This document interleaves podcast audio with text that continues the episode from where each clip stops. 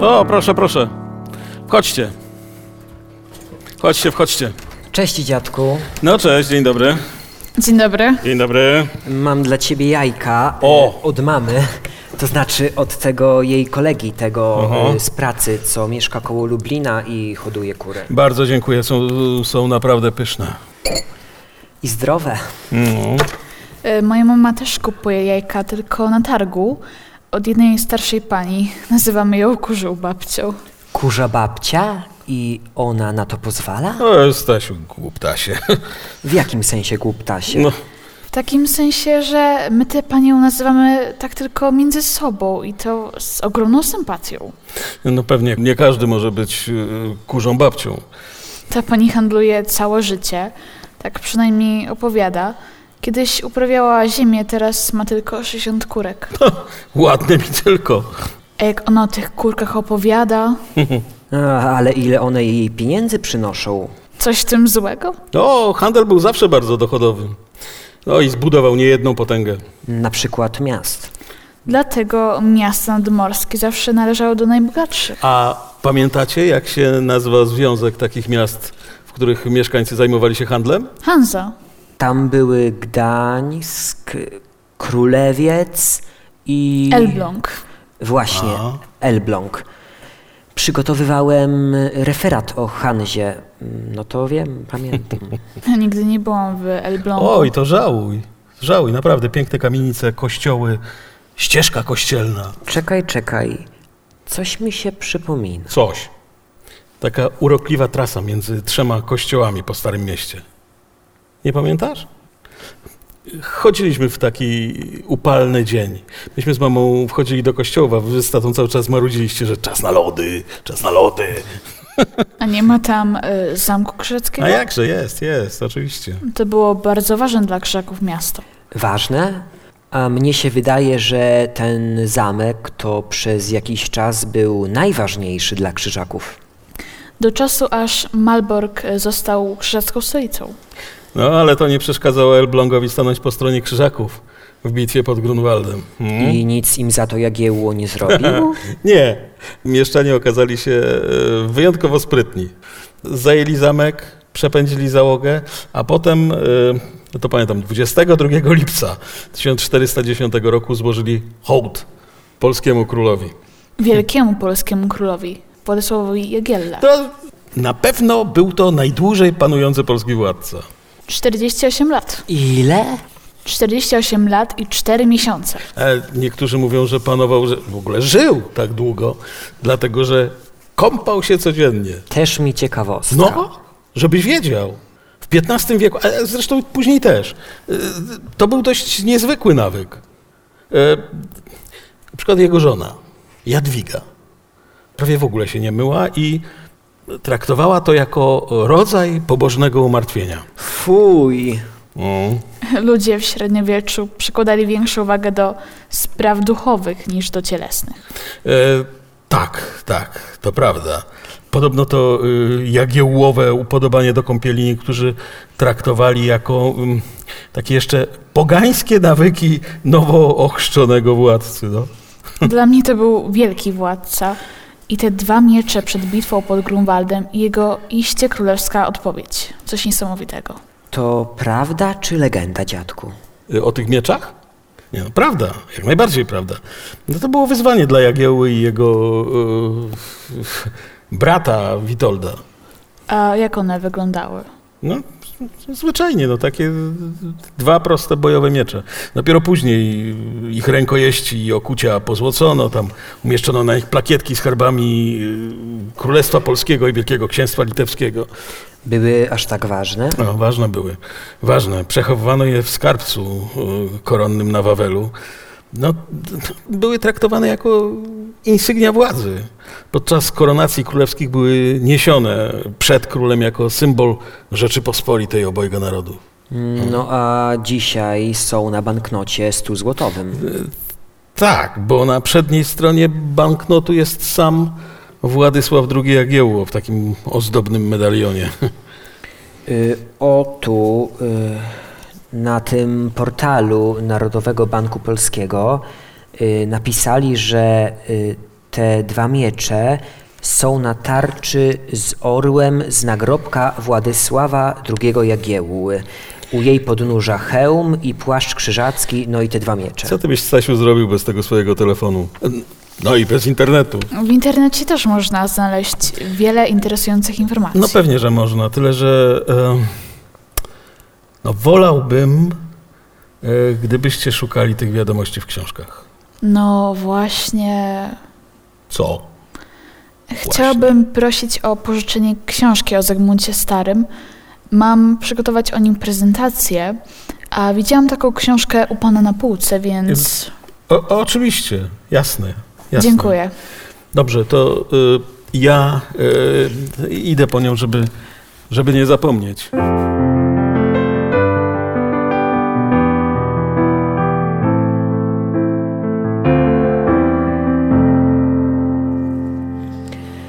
Muszę uprzątnąć te jajka, bo dziadek to może o nich zapomnieć.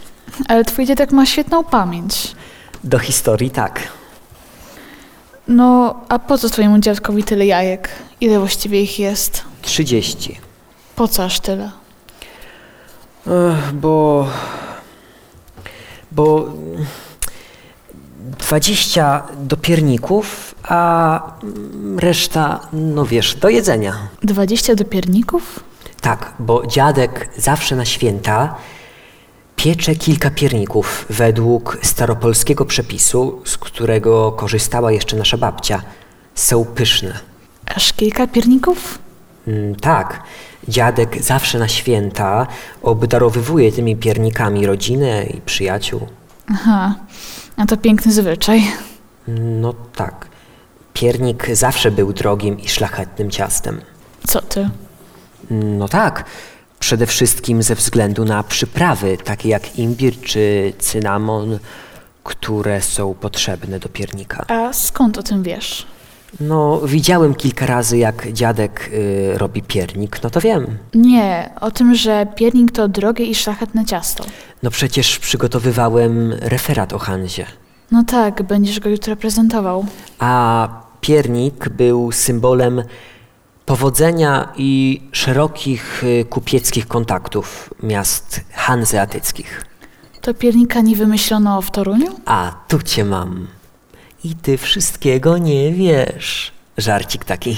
Odpowiesz? E, Pierniki wypiekano najpierw y, w Bremie czy w Ostendzie. A, rozumiem. Do Torunia piernik trafił przez Gdańsk. To są niesamowite historie, W jakim sensie niesamowite? bo dzięki nim też można uczyć się historii.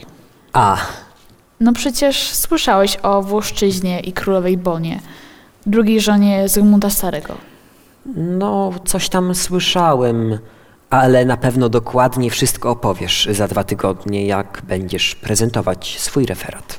No to był naprawdę bardzo interesujący król, ten Zygmunt Stary. Mm, Na pewno. Polska w XVI wieku powoli stawała się spichlerzem Europy. Mm, To już rozumiem. Stąd rosnąca potęga gdańska. Tak, do portów nad Bałtykiem przybywali kupcy z Niderlandów, Hiszpanii i Anglii. Y, W książce o Hanzie i Gdańsku była mowa o tym, że kupowali zboże, drewno i produkty leśne. No i zostawiali mnóstwo obcych monet. Jakich? Hiszpańskich reali, angielskich szylingów czy włoskich e, testonów. Niezły galimatias. A poza tym używano groszy nie tylko polskich, ale niemieckich i czeskich, starych jagiellońskich dynarów. I Zygmunt Stary z tym nic nie próbował robić? Próbował. No i co zrobił? W 1529, a nie, e, w 1528 ogłosił wprowadzenie złotego polskiego. I jak ten złoty wyglądał? O to chodzi, że nie wyglądał. W jakim sensie to żarcik taki? Nie, wcale nie żartuję. No to po co był ten złoty? Złoty polski miał pomóc e, w przeliczaniu różnych rodzajów monet na jednolitą wartość. No to rozumiem. Ale dlaczego nie było tej monety? Bo na początku Złoty Polski to był taki wspólny mianownik, dzięki któremu można było porównać wartość innych monet. A jednostka obrachunkowa. I kto tu jest precyzyjny? Oj, daj spokój. Moja mama jest księgową. Na przykład pamiętam, że jeden złoty dzielił się na 30 srebrnych groszy. 30 groszy jak 30 jajek. Ale śmieszne. Wcale nie, bo teraz już rozumiem. Co? Dlaczego półkopek? Ale co? Półkopek. Dziadek mówił mi o tej monecie, no a zapamiętałem, bo nazwa jest trochę śmieszna. Półkopek? No może troszeczkę.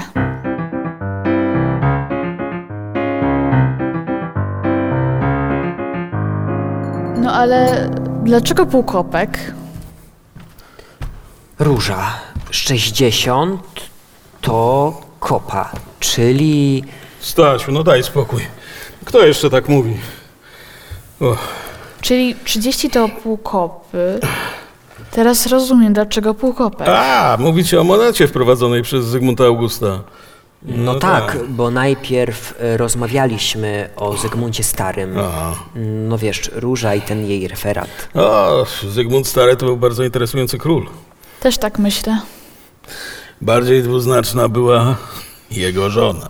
Słynna królowa Bona. Mm, Ta, której zawdzięczamy Włoszczyznę. Wielkie dzięki jaśnie pani. A wiecie, dlaczego nazywano go starym? Bo spędził na tronie 42 lata. No tak, a żył 81, tak. Widzisz, Stasiu, jadł tę włoszczyznę i był zdrowy. Mm, To żarcik taki, prawda? No, Ale nie tylko dlatego nazywano go starym. No to czemu jeszcze? Chyba wiem. O, No co ty, powiesz? oj, Stasiu. No co, kto się lubi, ten się czubi. No, co prawda, to prawda. Zygmunt Stary już za życia doprowadził do koronacji swojego syna, także Zygmunta. I była to tak zwana elekcja vivente rege. Dziadek, co i róż, musi błysnąć łaciną. Ale wracając do naszych Zygmuntów, to przez 20 lat mieliśmy dwóch władców o imieniu Zygmunt. A rozumiem, i jeden był stary. W odróżnieniu od tego syna. Mhm. I Ten syn, no to miał chyba charakterek. No trochę po matce, bo ona była bardzo silną osobowością i... A, I co tu dużo mówić, no przedsiębiorczą. Przedsiębiorczą? No nieźle, nieźle tam y, gospodarowała swoim, swoim majątkiem. Och, który na koniec wywiozła do Włoch. O, Tak? E, Dobrze sobie przypominam, dziadku? No to prawda, to prawda niestety. Przemawia przez was męska zazdrość. Męska zazdrość? Jak kobieta jest przedsiębiorcza, to od razu trzeba jej przypiąć łatkę. Ale żarcik ci się udał taki.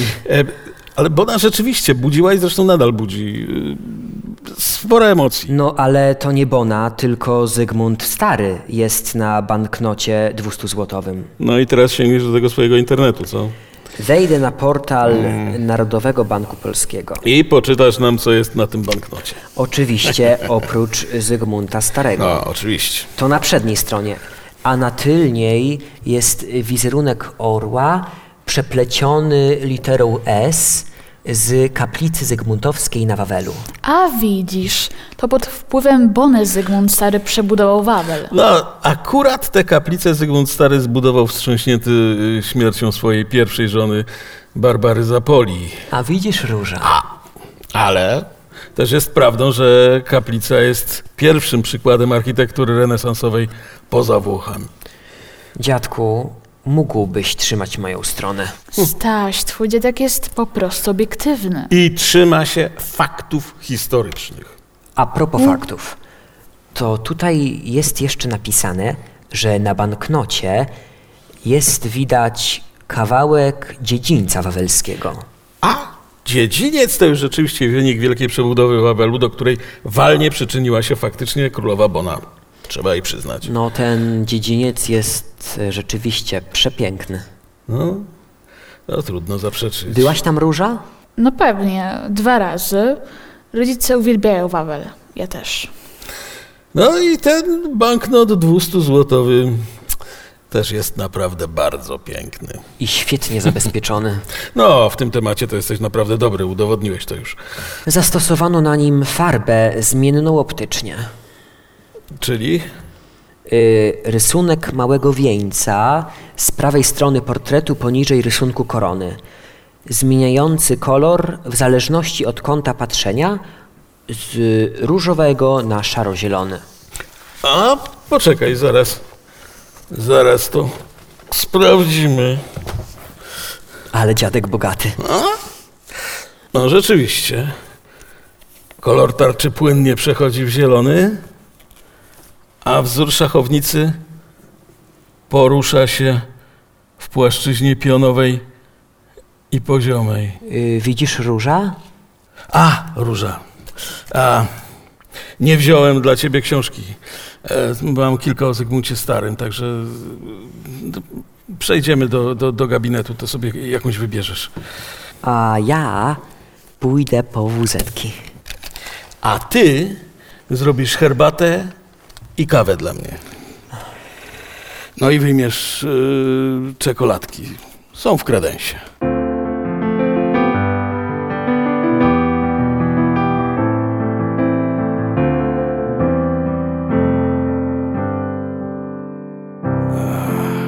Nie chciałam robić tyle kłopotu. Ja już przestań, Róża. Co to za kłopot. Mogę się tylko cieszyć, że młodzi ludzie interesują się historią. E, Tu masz te książki o Zygmuncie Starym. Wybierz sobie, które ci będą pasowały. Tu jeszcze, tu są. To już e, zabieram się do przeglądania. Myślałam o tej, a Aha. pan ma jeszcze inne. No, są. A wiesz o tym, że Zygmunt Stary wprowadził złoty polski? Tak, tak, rozmawialiśmy o tym ze Stasiem, A. a potem o półkopku Zygmunta Augusta, wartym 30 srebrnych groszy. Tyle, że historycy nie są pewni, czy y, był wymieniany na e, grosze polskie czy litewskie. No tak, e, to czas Unii Polsko-Litewskiej. No, ale grosze polskie i litewskie różniły się między sobą wartością. No to chyba trzeba było wprowadzić w końcu jedną monetę. No i zrobił to, ale dopiero Stefan Batory. A to pierwszy raz słyszę. No, postanowił, że i w Polsce, i na Litwie będą takie same pieniądze. A w którym to było roku? A, czekaj. To był chyba 1580. No Tak to mi się dzięki wydaje. temu można było łatwiej prowadzić interesy. No i pomnażać majątek, oczywiście. I na darmo mówi się, że XVI wiek jest złotym wiekiem Rzeczpospolitej. Oj, tak, tak, ale niestety wszystko, co dobre się kiedyś kończy. To prawda, wiek XVII wystawił Polskę na ciężką próbę. No, to rzeczywiście był burzliwy okres w naszej historii. Można tu naprawdę wyliczać. Na przykład wojna z Rosją. O, ale najpierw było powstanie kozackie. No, A tak, pod wodzą Chmielińskiego. No, a potem jeszcze na koniec potop szwedzki. Rzeczpospolita bardzo zubożała. No a trzeba było zapłacić, na przykład wojsku żołd. I co? No i nic. Król Jan Kazimierz musiał jakoś znaleźć sposób na to. No i znalazł? Wartość monet w tamtych czasach, wiesz, zależała od ilości kruszcu, znaczy złota albo srebra e, zawartego w monetach. E, No ale on w końcu coś No wymyślił? właściwie to nawet nie on. A kto? Zarządca mennicy królewskiej nazywał się Andrzej Tymf. A, ten od żartu. No, no tak, ale najpierw wymyślił, że można zaoszczędzić srebro, e, dodając go mniej do, do monet. Ależ to oszustwo. E, no, można tak powiedzieć. Raczej trzeba. No, wtedy ogłoszono wprowadzenie nowej monety o nominale 30 groszy. Czyli jednego złotego. No tak, ale wartość zawartego w niej srebra wynosiła mniej więcej około 18 groszy. Zaraz, zaraz. W ten sposób można było z tej samej ilości srebra wybić Mhm. prawie dwa razy więcej monet. Aha. I wiesz co, Różyczko, na awersie monety napisano, że e, każdy, kto zapłaci tą nową monetą, przysłuży się ojczyźnie. Oczywiście po łacinie. E, No tak, oczywiście. I ludzie używali tych monet? A wiesz, nazywano je e, tymfami i ludzie raczej nie mieli do nich wielkiego zaufania. I jak to się skończyło? No, to jak zwykle, kiedy maleje wartość waluty. Urosły ceny? A no, urosły. To teraz rozumiem skąd to wyrażenie. Dobry żart, tynfa wart. Przepraszam pana, ale chyba tymfa. No, c- częściej się mówi tynfa e, niż tymfa. No, jakoś tak. To dobry żart jest nic nie No, wart. to nie wiem, no, wart jest na pewno 18 groszy. No tak. E, wybrałaś już? Słucham? E, czy wybrałaś e, O, tak. książki? O... e, Mhm. Chciałabym pożyczyć te trzy, jeśli można. No, pewnie, że można. Dziękuję. Dobrze, a e, proszę cię bardzo, ale teraz e, chodźmy na kawę i no, herbatę i czekoladki.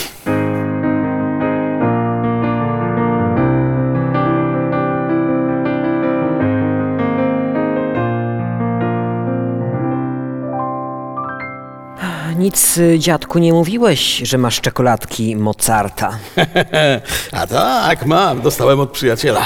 Y, Tego muzyka, który mieszka we Wiedniu. A te czekoladki to nie są z Salzburga? W każdym razie z Austrii. Nie, cukiernie, które sprzedają czekoladki Mozarta są w różnych miastach austriackich. Piękne te czekoladki.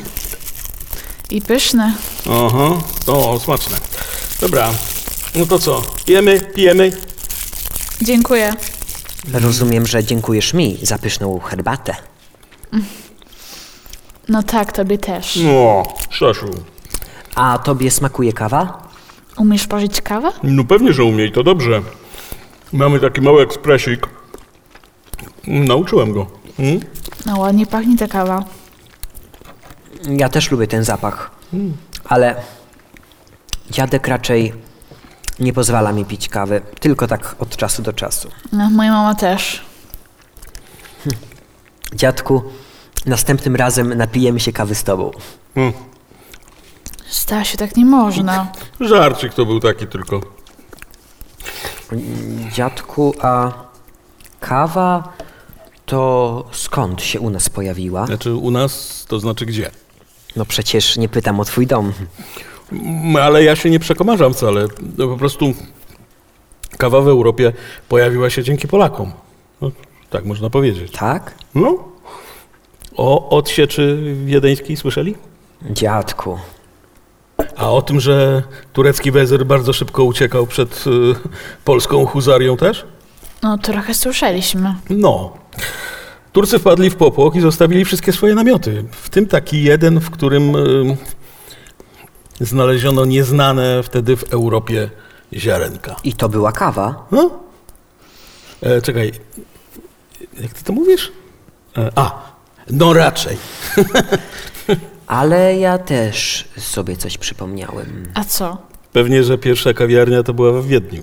I prowadził ją Polak, niejaki Kulczycki. Tak jest, Jerzy Kulczycki, żołnierz króla Jana III Sobieskiego. U pana to zawsze takie ciekawe rzeczy. A ilu ciekawych rzeczy ja się od was dowiaduję. Żarcik to był taki dziadku. O, a swoją drogą mm, Jan III Sobieski to jeden z najznamienitszych polskich królów.